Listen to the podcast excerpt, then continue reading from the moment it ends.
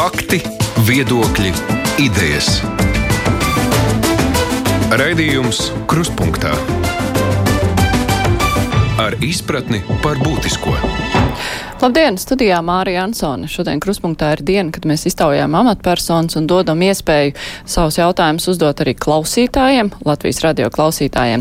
Šoreiz mēs runāsim par naudas lietām, nodokļiem, nodokļu reformu, kas šovasar radīja galvas sāpes ne tikai grāmatvežiem, arī ekonomikas atvesļošanas fonda naudu, kas nu pat Latvijai ir piešķirta. Šodien mūsu studijā ir finanšu ministrs Jānis Rērs. Labdien! Labdien! Kopā ar mums attālināti ir žurnālisti Linda Zalāna no Latvijas radio ziņa dienas Lēta. Sveika, Linda! Labdien! Un Raivis Spalvēns no ziņu aģentūras Lēta. Sveiks, Raivi! Sveiki! Klausītāji savus jautājumus var uzdot zvanot mums uz ētera tālruņiem 6722, 888, 672, 559, varat mums uh, rakstīt uz adresi kruspunktā, Latvijas radio.lv, varat sūtīt ziņu no mūsu mājaslapas. Man tikai ir jāuzsver, ka to var darīt tikai Latvijas radio klausītāji, kur mūs klausās tiešraidē, jo vēlāk Latvijas televīzijā būs raidījuma ieraksts un piezvanīt vairs nevarēs un nebūs jēgas, jo finanšu ministrs te vairs neatradīsies. Vispirms par nodokļu reformu. Ir stājusies spēkā norma par minimālajām sociālajām iemaksām, kas ir nu, problemātiski cilvēkiem, kuri strādā nepilnu darba laiku, cilvēkiem, kuriem ir neregulāri ienākumi, tie ir pašnodarbinātie parasti. Un ir arī tāda neizpratne par šo ienākumu prognozēšanu, kas ir to tā kā alternatīva iespēja, jo ienākums prognozēt ir grūti un nav arī skaidrs, kāpēc nevar maksāt nodokļus pēc tam, kad nu, nauda ir saņemta. Arī valsts prezidents ir teicis, ka vajadzētu domāt par izmaiņām šajos nodokļos attiecībā uz pašnodarbinātajiem un nepilnu laiku strādājošiem, lai būtu taisnīgs nodokļu maksājums, kas ir atbilstošs reālajiem cilvēku ienākumiem. Vai jūs redzat iespēju, ka, nu, varbūt ne tūlīt, bet pēc kaut kāda laika redzot, kā tas strādā, vai cilvēki, nu, vienkārši neatsakās no nodarbinātības šo sarežģījumu dēļ, nu, kaut ko mainīt tomēr šajās Nē, nu, normās? Es... Jā, paldies par jautājumu. Es domāju, ka uh, patreizējā politika uh, Uh, ir tieši tāda, ka mēs uh, pieņemam lēmumus un tad izvērtējot uh, šo lēmumu ietekmi, daudz ko mainām. Piemēram, COVID, ja mēs runājam par Covid atbalstu, ja, tad nevar salīdzināt to ekonomisko atbalstu, kas bija gadu atpakaļ, kad sākās Covid. Mēs pēc tam izvērtējām visu atbalsta apjomu, un uh, otram vilnim sākoties, šis atbalsts bija uh, pavisam citā līmenī. Un, uh, tiešām uh, ļoti uh, labi palīdzēja mums sasniegt labus ekonomiskos rādītājus. Tāpat arī ar nodokļiem. Bet šeit es gribētu pateikt, ka mēs esam laikam palikusi vienīgā valsts Eiropas Savienībā, kur šādas normas nav. Praktiski Eiropas Savienība vai Eiropas modelis ir modelis, kur cilvēkam par darbu ir jābūt sociāli nodrošinātam.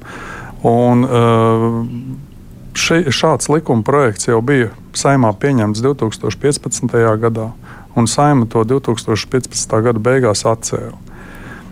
Līdz ar to tas nav nekas jauns vai negaidīts. Valsts pārvalde bija tam gatava. Arī patreizējā situācijā valsts pārvalde ir gatava. Kādēļ ir dažas jomas vai jautājumi, kas ir saistīti ar jūsu minēto, piemēram, prognozēšanu?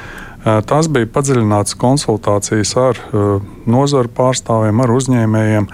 Un, piemēram, Lietuvā Ukrainā, es atvainojos Lietuvā, Igaunijā tur ir vienkārši tur ir jāsamaksā tā nauda. Tur nevienam neliek ne prognozēt neko. Ja tu esi paš, šādos režīmos, tev ir jāsamaksā minimālais sociālais iemaksas. Arī tad, ja nav nekāda ienākuma. Arī tad, ja nav nekāda ienākuma. Ja. Mēs, ņemot vērā nu, šo situāciju, ka mēs paredzam, ka ir apmēram 20 tūkstoši cilvēku, kur tiešām uh, nav uh, iespējas uh, šādā veidā nopelnīt, kur gan nodarbinātības valsts aģentūra saka, ka nav darba vietu brīvu reģionā, uh, vai cilvēks ir profesijā, kur. Uh, kur Uh, nu, nav šo, šo ienākumu, nu, piemēram, kā mums bija kā piemērs kurpnieks alūksnē, ja, varbūt nu, nu, nevar cilvēks šo dabūt.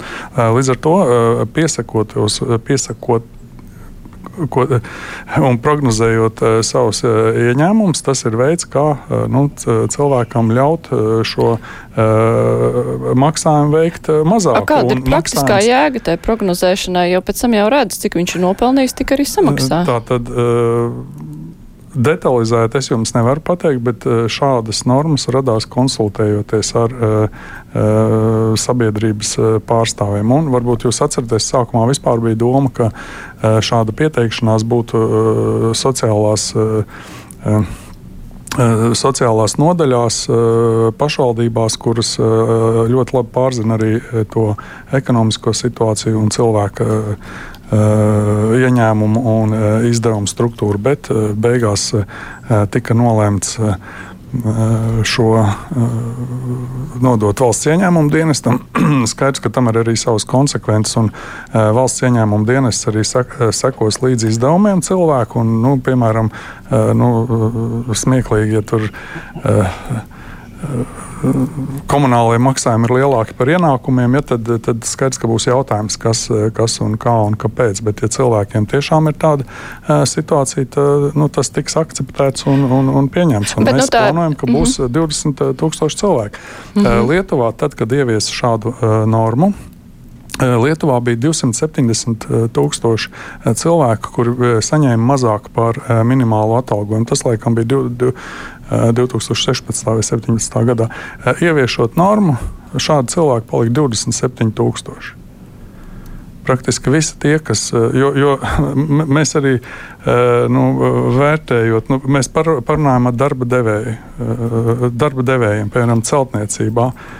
Jūs nevarat atrast strādājošo par 1000 eiro uz rokām un tad uh, jūs mēģināt pastāstīt valsts ieņēmumu dienestam, ka jūs pelnat tikai 200 eiro. Nu, tā ir, tā ir nu, nodokļu optimizācija, un uh, šādu nepilno darbu uh, tieši izvēlējās kā izvairīšanos no minimālās algas samaksas ļoti daudz cilvēku.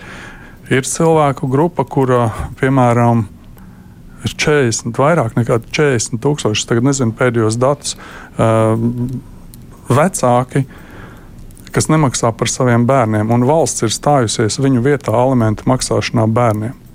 Un tur man daudz uzņēmumu uzņēmēji ir stāstījuši, ka viņi ņemot darbā cilvēku, cilvēks saka, man nevajag algu, man uh, ierakstiet maziņu, 100 eiro negribu maksāt, uh, lai valsts maksā par bērnu un, un, un, un pārējos saņem konvertos. Vai tas ir, vai tas ir solidāri un godīgi? Nu jā, ne, tur jau bija, protams, ka runa nevis par celtniekiem vai tiem krāpniekiem, bet par ne, tiem tā, kurpniekiem alūksnē jā, un par amatniekiem un tie, tādām. Viņiem ir tiesības mhm. pieteikties, mm -hmm. un valsts ieņēmuma dienests izvērtējot ļoti ātri sniegs atbildes. Bet īsā atbilde ir, ka nekas pārskatīts netiks. Uh, īsā atbilde ir tāda, ka mēs monitorējam situāciju un uh, reāli, uh, ja būs nepieciešamība, uh, to mēs mēs darīsim.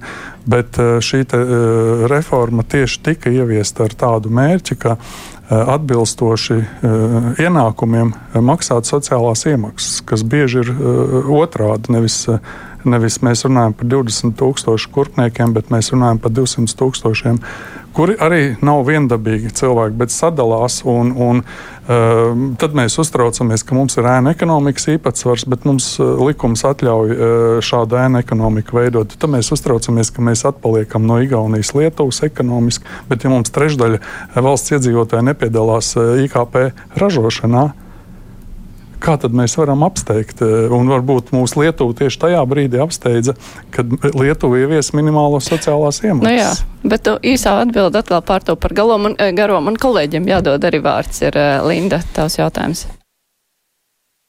Um, Bet ir eh, minējāt, jā, būvniecību, amatniekus, bet ir arī tādas jomas kā viesnīcas joma, uzkopšanas servis, kur nepilna laika mm, darbinieku nodarbināšana ir realitāte. Un, un šie darbinieki strādā vairākās vietās, vai, vai līdz ar mm, šo obligāto sociālo iemaksu nesenāks tā, ka mm, uzņē, uzņēmumi izvēlēsies atlaist no darba um, cilvēkus, lai nodarbinātu mazāk cilvēku, bet pilnu laiku, nu, lai nebūtu jāmaksā, jā, jāpiemaksā par šo. Uh, vai jūs neprognozējat, ka mm, šādā veidā papildināsies nu, bezdarbnieku rīnas iespējams? Es domāju, tā lielās viesnīcas un uh, daudz lielie uzņēmumi ir sen izvēlējušies uh uzkopšanas uh, jomā uh, izmantot firmas. Bet firmās algo, arī, firmās arī tiek nodarbināti cilvēki tieši tā nepilnu laiku. Nu, tā ir realitāte. Jā, tā ir realitāte, bet likums paredz, ka visi ienākumi cilvēkam summējās, un ja viņš strādā vairākās vietās, tad praktiski nav problēma. Ja, šis, šī, šis ir viens aizspriedums, par ko nu, daudz runā kā iemeslu, ka tas nav labi, bet uh, summējās. Tālāk ir ļoti, uh, kā jau teicu, mums bija diskusijas ar uh, nozaru pārstāvjiem parlamentā. Un tika ieviestas šīs kategorijas, cilvēku kategorijas, kurām ir pieļaujams. Ja tā tad māmiņas, uh, bērnu kopšanas atvaļinājuma laikā studenti, pensionāri. Eh, nu, pilns saraksts ir eh, gan likumā, gan valsts ieņēmuma dienesta mājaslapā, bet ir šīs kategorijas, un viss, par, ko tiek nu, visvairāk uztraucās, viņi ir likumā iekšā. Tātad, tas, tas, tas ir paredzēts jau. Līdz ar to nu, vēl atgādināšu, ka visgrūtākajos krīzes brīžos bija nu, 15, 17 tūkstoši brīvu darba vietu, kur uzņēmēji nevar atrast darbiniekus. No tām apmēram trešdaļa atalgojums, kas bija oficiāli valsts nodarbinātības valsts aģentūrā solītais, ir tūkstots un vairāk eiro. Līdz ar to nu, kaut kādā veidā jāsalāgo arī darba tirgus. Un mēs tagad redzam, uzņēmēji nevar atrast darbiniekus. Nu, tā ir arī realitāte un tas bremzēs ekonomisko attīstību. Mums ir mm, ļoti nozīmīgi līdzekļi. Eh, at, eh, atvesļošanās fondā eh, mums ir līdzekļi Eiropas fondos, kur ir jāinvestē un investīcijas veids cilvēki dara fiziski cilvēku. Un, ja mums cilvēku trūkst, un no otras puses, simtu, uh, viena trešdaļa uh, uh, nu, nepiedalās varbūt varbūt arī piedalās, bet nevis ar saviem nodokļiem šajā jomā, tad tās ir struktūrālās problēmas. Un, un, un, un, diemžēl varbūt tas ir viens no iemesliem, kādēļ Lietuva nu, apdzen mūsu kaut kādos makroekonomiskos rādītājos. Kolēģi Rēvi? Paturpinot par šīm pašām sociālajām iemaksām, man liekas, uh, publiskajā telpā viskaļāk neizpratni pauž tieši kultūras un radošo jomu pārstāvji, kuri norāda to, ka viņi arī šos ienākumus nevar prognozēt. Un uh, ministrs jau iezīmēja, ka uh, ir ļoti plašs nozaru lokus, uz ko izmaiņas attieksies. Tomēr uh, nozars ir ļoti katra ir specifiska un atšķirīgi. Tajā pašā laikā prasības visām būs vienas. Eh, tomēr, ja, ja ir plānots kaut ko mainīt, vai, eh, vai netiek pieļauts tas kaut kā ranžēt nozares, katrai piemērot kaut kādas savādākas, atšķirīgas prasības. Paldies! Nu, patreiz mēs neplānojam mainīt. Ir tikai otrā nedēļa, kopš ir ieviests šis jaunais nodokļu, jaunās nodokļu izmaiņas, bet es vēlreiz saku, mēs monitorējam šo lietu un, piemēram, nu, līdzekļu prognozēšana varētu būt viena no tām, ko mēs varētu pārskatīt. Jā par atvesaļošanās fondu, ja par nodokļu reformu ir viss, kolēģi, ir vēl kāds jautājums? Es gribēju pievērsties uh, Eiropas atvesļošanas fonda naudai, ko jūs jau pieminējāt. Mums ir tāds klausītāja jautājums uh, par šie te gandrīz divu miljārdu atvesļošanās fonda naudas ir piešķirti. Kā tad tiks izvēlēti realizējumie projekti? Vai viņš kā uzņēmējs arī to varēs darīt? Kas notiek ar šiem 1,84 miljārdiem?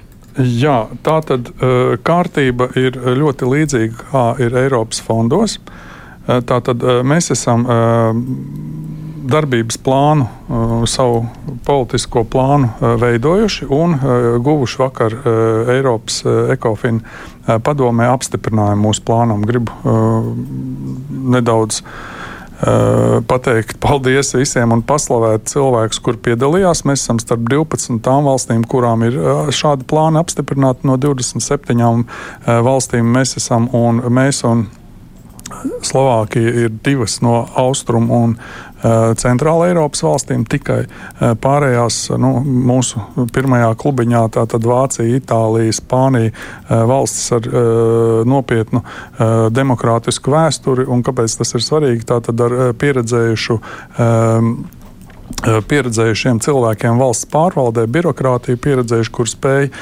veidot šos plānus. Un Latvija arī starp šīm valstīm mēs vakar apstiprinājām 1,8 miljardu eiro līdzekļus.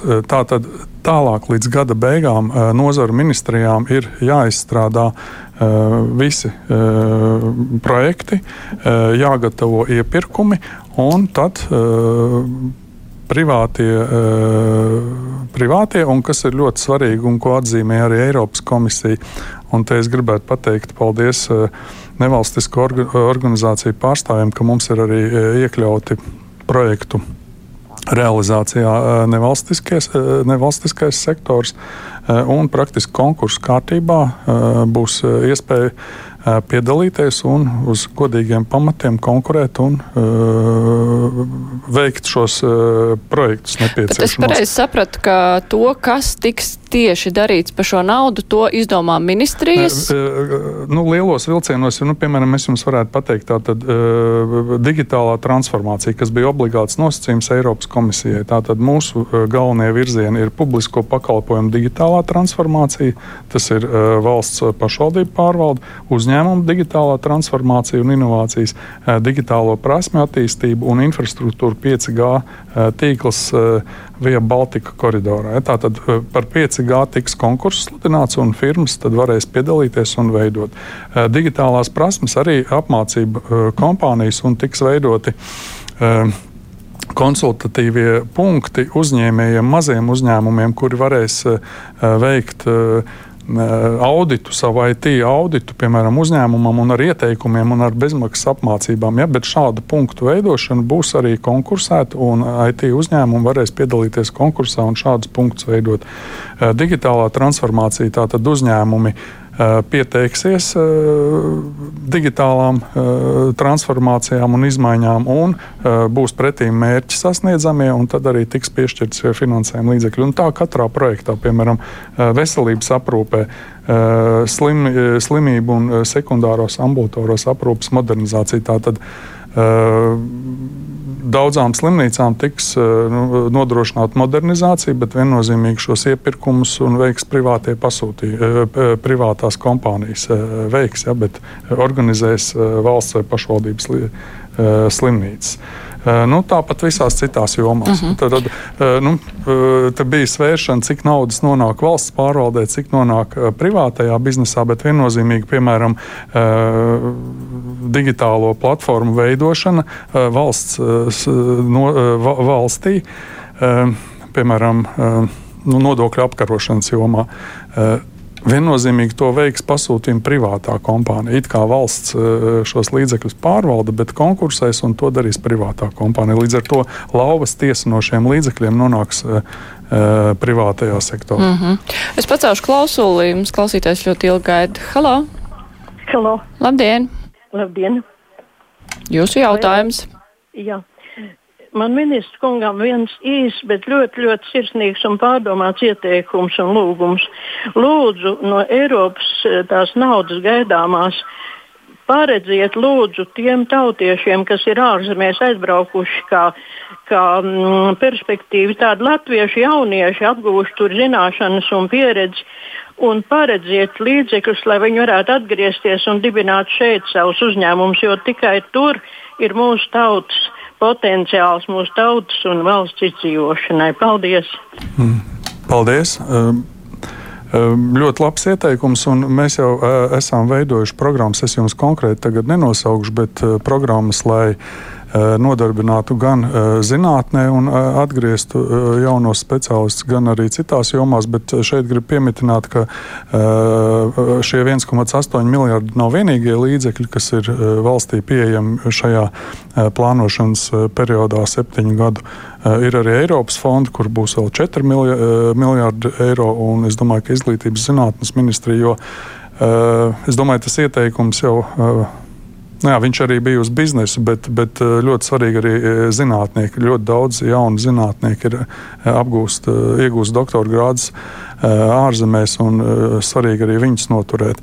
Bet arī uzņēmēju darbībā būs iespēja, man liekas, šeit pat nekas speciāli nebūs jāizdomā, jo būs arī šie reģionālie uzņēmēju darbības Eh, parki, eh, un tur varētu pieteikties cilvēki un dabūt grantus un arī veidot savu eh, uzņēmēju darbību. Es zinu, ļoti daudz reģionos arī jaunieši, kuri pastrādā ārzemēs, atgriežas un jau par sakrāto naudu veido biznesus, bet būs arī iespēja šādā veidā mm, atgriezties valstī. Mm -hmm. Kolēģi Linda. Kā ir plānots turēt roku uz pulsa, lai šī nauda ekonomikā nu, ieplūst tā vienmērīgi, lai nav kādos garos kāds pīķis, un, kas var veicināt pārkaršanu, nu, piemēram, tajā pašā pieminētajā būvniecības nozarē. Un, jā, un ja šī roku uz pulsa netiek turēta un rodās tās pīķis, tad kas tās lielākās negatīvās sekas, kādas tas var radīt? Nu jā, nu, negatīvās sekas ir pārkaršana, bet, bet ar to rokas turēšanu ir samērā sarežģīti, jo ir arī ārēji apstākļi. Piemēram, patreiz mēs varētu turēt vai neturēt, bet izēja materiāla sadārdzinājums celtniecībā 40% vidē ir visā Eiropā. Un tur mēs neko nevaram izdarīt. Eh, tad ir daudzas firmas, kuras ir pārtraukušas eh, vienkārši celtniecību, eh, apstā, apturējuši, bet nu, prognozēja, ka šīs cenas atkal atgriezīsies normālā līmenī. Bet, bet tā ir. Bet viennozīmīgi mēs arī sektorāli vērojam, un šie 1,8 Miljardi ir e, ļoti pozitīvā laikā, jo uh, beidzās uh, iepriekšējais plānošanas periods, kur mums līdzekļi, jau investīcija līdzekļi iet uz beigām, un sākās nākamais plānošanas periods, jau šogad it kā vajadzētu būt. Bet viennozīmīgi ir tā, ka šajos periodos tā ieskriešanās ir ilgāka. Līdz ar to šis atvesļošanās fonds palīdz mums arī pārvarēt šos spīķus, vai šī gadījumā būtu bedre, ja būtu vienkārša situācija. Bet ņemot vērā, ka nu, šie projekti, atvesļošanās fondi ir ļoti līdzsvarot arī par nozarēm, ja tā tad gan ceļu būve, gan infrastruktūras, gan celtniecības māju būve, pieejami dzīvokļi digitalizācija, veselības joma, praktiski viņi nav koncentrēti kaut kādā vienā jomā, vienā virzienā. Un, protams, arī cilvēku kapitāla uzlabošanai, tā, nu, tādā ziņā prasmju uzlabošanai 237 miljoni, kas ir vairāk digitālo prasmu apgūšanai visos līmeņos, sākot jau no skolām, universitātes un beidzot arī mūža izglītību, lai varētu pārkvalificēt cilvēkus, kuriem ir vēlme iegūt papildus zināšanas, un tieši digitālās zināšanas ir tās svarīgākās nākotnes tirgu. Es pacelšu klausuli, un pēc tam Raivim dosim vārdu. Halo! Halo! Labdien! Labdien. Man būtu tāds jautājums Reizes kungam, vai viņš izprot kādu nodokļu, ka nodokļus maksā uzņēmēji. Jo vairāk būs uzņēmēji, jo, jo labāk attīstīsies ekonomiski. Latvijā, kā zināms, uzņēmēja darbība nav tā labākā uzņēmēja skaits. Un uzņēmēji nekad neviens nedibina uzņēmumu uzreiz kā lielo uzņēmumu. Parasti iesāk ar pašnodarbinātais vai mikro uzņēmums, un tad lēnām nezinu, sākumā jau neviens nevar eh, zināt, kā viņam pieprasīts būs viņa pakalpojums vai prece. Līdz ar to, eh, ja nodoklis jāmaksā uzreiz no pirmās dienas, no pirmā centa, varbūt viņam tie ienākumi pirmajā mēnesī, pirmajos mēnešos vispār nebūs. Tad eh, varbūt vajadzētu veicināt kaut kā, lai iedrošinātu uzņēmējus sākt uzņēmējdarbību. Paldies! Tā tad.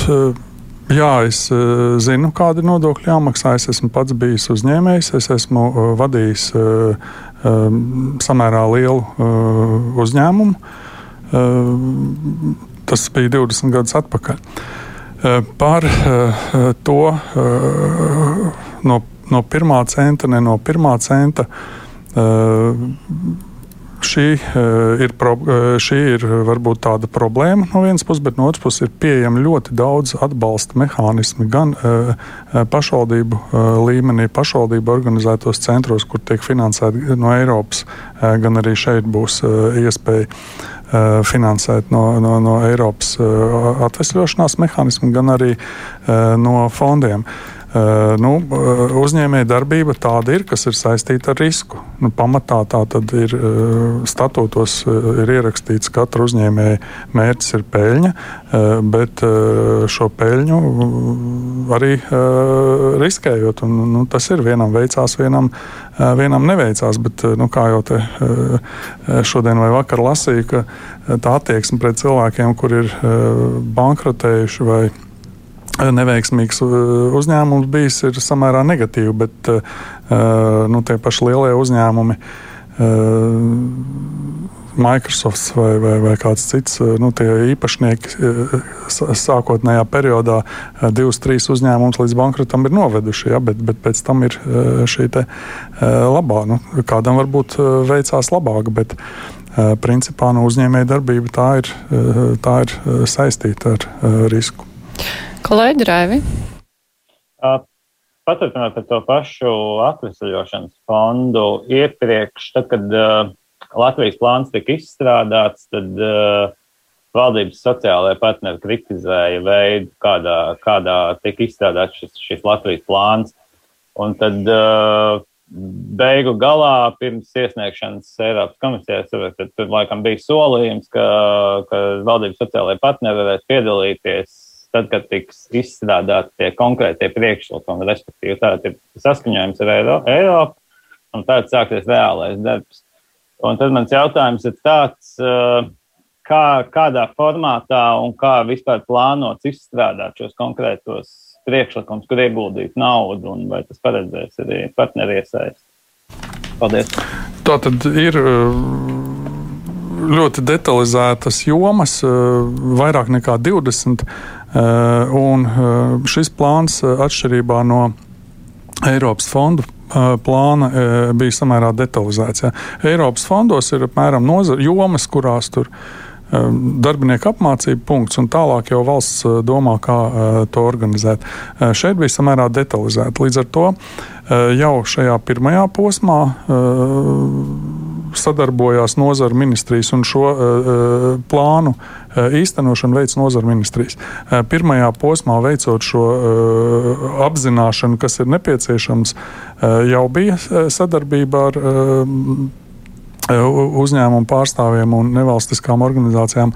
Un patreizējā situācijā, lai izstrādātu normatīvos aktus vai iepirkumu programmas tiem, uh, Ehm, plāniem, kas jau ir iekšā iekļauti šajā lielajā plānā, ehm, katra nozares ministrija ehm, izvēlēsies veidu, kā piesaistīt gan uzņēmēju pārstāvjus, gan arī nevalstiskās organizācijas. Viennozīmīgi, ka laikam nevalstiskās organizācijas nu, nebūs visās ministrijās pārstāvētas, bet nu, labklājības joma, izglītības joma tur būs, es domāju, ka ļoti nozīmīgi un nopietni. Tāpat arī, piemēram, uzņēmēji vairāk varbūt būs pārstāvēti ekonomikas ministrijā vai varamā. Nu, tā kā, tā kā tas, tas ir nozara, nozara ministrija kompetences un šos plānus izstrādās nozara ministrijas. Mm -hmm. Kolēģi Linda. Um, vēl par nodokļiem paturpinot. Um, nu, šis gads nesis uh, tādas um, ievērojams izmaiņas nodokļu jomā. Kas uz priekšu gaidāms? Ko, ko, ko vēl var sagaidīt? Kur vēl ir nepieciešams jā, nodokļu izmaiņas? Retrospektīvi uh, varu teikt, ka mēs uh, no šī, šī valdība viens no pirmajiem darbiem, ko mēs gribējām veikt nodokļu reformu, un uh, vienkārši Covid to patraucēja. Un, tad martā redzot, ka tiem cilvēkiem, kuriem nav šo sociālo iemaksu, nav nekādas sociālo garantiju un aizsardzības, tad nolēmām šo nodokļu reformu piedāvāt. Nu, šī pat nebija nodokļu reforma, bet darba spēka.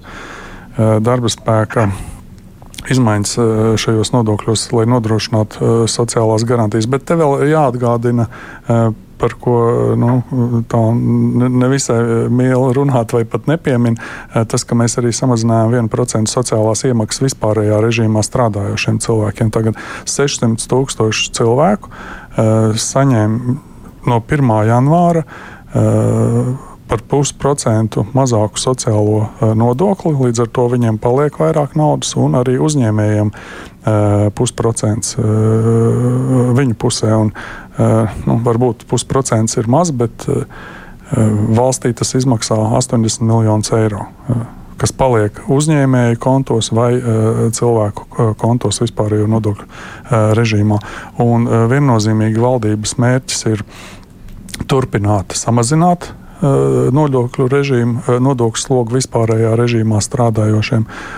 Un, līdz ar to viens no izskatāmiem jautājumiem būs šis samazinājums. Globāli arī vakar Ekofina sēdē tika pieminēts globālais uzņēmumu peļņas nodoklis, kur praktiski pasaules valsts vienojās, ka būs minimālā likme uzņēmumu peļņas nodokļiem, lai izvairītos no nodokļu maksāšanas. Visas valsts jau sāk domāt, kā atdot šos Covid parādus nākotnē. Viennozīmīgi, ka tā ir nodokļu joma, kas, kas ir uzskatīta. Un arī ļoti nozīmīgi, nozīmīgs progress ir arī sarunās par lielo kompāniju nodokļiem, ka viņiem nodokļi jāatstāj tajās valstīs, kur viņi gūs šos nodokļus. Ja. Un es domāju, ka tie ir viens, divi gadi, kad nu, šī sistēma varētu mainīties, un tas mums dos nozīmīgu nodokļu pieaugumu. Tātad mēs varēsim gan sekt parādus, gan turpināt samazināt vispārējā režīmā strādājošo nodokļu un sociālo iemaksu slogu. Mums konkrēti Latvijai vai mums Eiropas Savienībai? Tur, tur, ir, tur ir G20, G7, tātad tas ir pasaules, pasaules lēmums. Un es domāju, rudenī par to diskutēs arī Startautiskajā valūtas fondā un Pasaules bankas ietvaros. Līdz ar to tā, tā ir ļoti laba ziņa. Un, uh, Amerikas administrācija eh, arī veicina eh, šo lietu, un tas būs solidāri un taisnīgi pret pasaules ekonomiku, praktiski to peļņu atstāt tajā valstī, kur viņi tiek ražoti. Pacelšu klausot, halā! Halā! Labdien! Labdien! Uzdot jautājumu, mazs zemnieciņš katru mēnesi pērk kaut kādu kombikormu, baro bullīti Un, un, un, un, un, un gada beigās vienā mēnesī viņš saņem to peļņu. Vai nevar izdalīt uz visiem mēnešiem? Tā kaut kā ar to gada beigās tikai tas ienākums, tam man lielie nodokļi jāmaksā vienreiz mēnesī. Vienā mēnesī. Tad kā īsti jūs gribētu maksāt nodokļus visa gada garumā vai? Izdalīt uz uz visu gadu to savu bulli sadalīt. Mm -hmm. Nē, nu, šeit ir nu, tiešām varbūt. Nu, Vērojot situāciju, kā ir mm, valstīs ar nu, tādu pieaugušāku, stiprāku demokrātiju, tad valsts veido noteikumus un cilvēki uzņēmēji nu, šos noteikumus pilda. Mums mēs mēģinām piemērot noteikumus katram cilvēkam. Un tas, ko Kungs tagad saka, es vienkārši ļoti labi e, atceros, kā e, tādu e, negadījumu pagājušā gada pavasarī, kad pašnodarbinātie cilvēki ļoti bija sašutuši, ka ir jāmaksā avans. Bet kā tas avans radās? Tas avans radās eh, tā, kā tieši cilvēks teica, ka mēs nevaram, eh, mēs iztērējam to naudu gadu laikā, un tad vienreiz jāmaksā nodoklis, un tad mums nav tās naudas, un tad mēs mēģinām eh, norakstīt kaut ko, kaut kādas, nu, veidot nepatiesus izdevumus, nonākam konfliktā ar valsts ieņēmumu dienestu, un tad risinājums bija avansēt šos nodokļus. Ja? Maksāt. Ja, un, un tad viss pieņēma, bet krīzes laikā to parādīja kā vis, vis nu, negodīgāko valsts iejaukšanos cilvēku darbībās. Bet, nu, arī šim kungam ir taisnība, ka vienmēr ir nu, labāk maksāt sadalītus nodokļus, un varbūt arī tas, ar ko mēs sākām šo raidījumu, ar šo prognozēšanu. Ieņēmumu prognozēšana varbūt nu, tas, tas, tas būtu tas ceļš, kurš ejams. Bet vēlreiz atgādināšu, ka mēs šo situāciju monitorējam un skatāmies. Šī konkrētā gadījumā es jums tiešām nevaru atbildēt. Es piekrītu, ka tā būtu pareizāk un labāk bet, bet, bet nu, ir pieņemti tādi noteikumi. Nu, vēl viens vans. Halo! Labdien! Labdien. Pienāks ir ogu pieņemšanas laiks. Man mazbērns aizgāja uz mežu, salasīja 3 uh, litrus ogas, saņēma 3,40 parakstījās par to, ka saņem naudiņu. Viņam tagad ir jāmaksā 170 eiro nodoklis. Tā tad lauksaimniecības sezonas darbi tur ir pavisam cits regulējums un jāinteresējas. Nu, diemžēl es nevaru atbildēt konkrēti par šo gadījumu. Bet, bet uz ogām tas neatiektos. Nu, ir, ir, ir sezonas darbi, lauksaimniekiem sezonas darbi ir noteiktas summas, kur, kur gadā netiek aplikts ar nodokli. Kolēģi Raivi? Es gribētu tā līgani pāriet uz, es nezinu, cik mums daudz laika atlīdz, bet par nākamā gada budžetu un sasaistot to ar atvesļošanas fondu arī dzen, un ar ministriju pieprasījumiem, prioritārajiem pasākumiem. Tad man jautājums ir tāds, Rēra kungam, vai gadījumā, ņemot vērā nākamā gada budžeta tādu, nezinu, negluži optimistisko situāciju, vai nebūs tā, ka kaut kāda daļa no atvesļošanas fonda uh, tiks piešķirta, kā nu, nonāks kā ministrijām prioritāro pasākumu īstenošanai. Nu, sevišķi ņemot vērā, ka ticamākais fiskālā telpa katru reizi nebūs pozitīva, bet drīzāk būs negatīva. Tad kaut kur būs nepieciešams rast līdzekļus, lai ministrijas šos prioritāros pasākumus varētu veikt. Paldies! Jā, mums trīs minūtes Jā, tikai nē, nu, palikušas. es gribētu pateikt, ka e, šis e, atvesļošanās fonds nav e, kaut kāds atsevišķs no kaut kurienes nokritis. Mēs gan, gan, nacionāl, gan Eiropas fondi, gan visi papildus fondi, gan šis fonds tika veidots balstoties uz Nacionālo attīstības plānu. Tur viss tas ir iekšā. Un viennozīmīgi, ka tas ir savstarpēji saistīts. Nav tā, ka mums bija kaut kāds mērķis Nacionāla attīstības plānā, un tad mums atnāca iespēja pieteikties diviem miljardiem investīcijām, un tad mēs kaut ko citu domājam. Nē, mēs strādājam tieši šajā jomā un šajā virzienā. Līdz ar to es domāju, ka tas ir pareizais veids likt visu naudu kopā un vērtēt. Gan budžets, gan uh, atvesļošanās fonds, gan arī Eiropas fondi iepriekšējā perioda beigas un arī uh, nākamā uh, perioda sākums. Jo uh, nu, strādājot atrauti, tad, tad laikam nevarētu nevienu ne fondu apstiprināt, ne, ne budžetu, ne, ne, ne to. Jo, nu, nu, tā ir viena tautsēmniecība, viena ekonomiskā zona. Līdz ar to mums šie līdzekļi gan tā būs nepieciešami, jo ja mēs caur šiem līdzekļiem varam ātrāk paveikt to, ko mēs esam ieplānojuši septiņos gados, es domāju, ka tas ir normāli un pareizi. Nu, kādā jomā, kādā nozarē, piemēram, veselības jomā. Ja mums nāk papildus 180 miljonu veselības jomā, tad viennozīmīgi tā nauda būs no tiem projektiem, kas bija iepriekš, bet viņi tiek īstenot ātrāk kas bija uh, plānota vēlāk, ja piemēram 2025. 26. gadā, 27. Ja ir iespēja šo izdarīt ātrāk, tad, tad, tad tas tā arī ir. Viņš jau nu, šis plāns vai projekts nav kaut kas jauns radīts. Bet nu, varbūt tā, ka budžetā, valsts budžetā kaut kāda nauda atbrīvojas? Nē, nē tas, tas, tas nekādā gadījumā nevar būt, jo nu, tie ir arī ierobežojumi, jo šī budžeta brīvība attiecās uz investīcijām un Covid seku likvidēšanu, bet pamat budžetam pastāvīgiem izdevumiem ir tās pašas normas, tie paši likumi turpina strādāt, līdz ar to nauda budžetā tādā veidā neatbrīvosies. Mm -hmm. Jā, nu, ar to arī mums ir jābeidz. Es teikšu paldies finanšu ministram Jārim Reiram, ka varējāt piedalīties. Jums tūlīt būs arī preses konferences, kur jūs plašāk stāstīsiet par Eiropas atvesļošanās fonda naudu. Tad jau arī mēdī pārstāvi uzzinās vairāk. Es teikšu paldies arī Rēvim Spalvēnam no ziņa aģentūras Leta un Lindai Zalānai no Latvijas radio ziņa dienesta. Savukārt mums ir pienācis laiks brīvajam mikrofonam, un tur klausītāji varēs paust viedokli arī par šajā 40 minūtēs dzirdēto. Tagad būs brīvais mikrofons.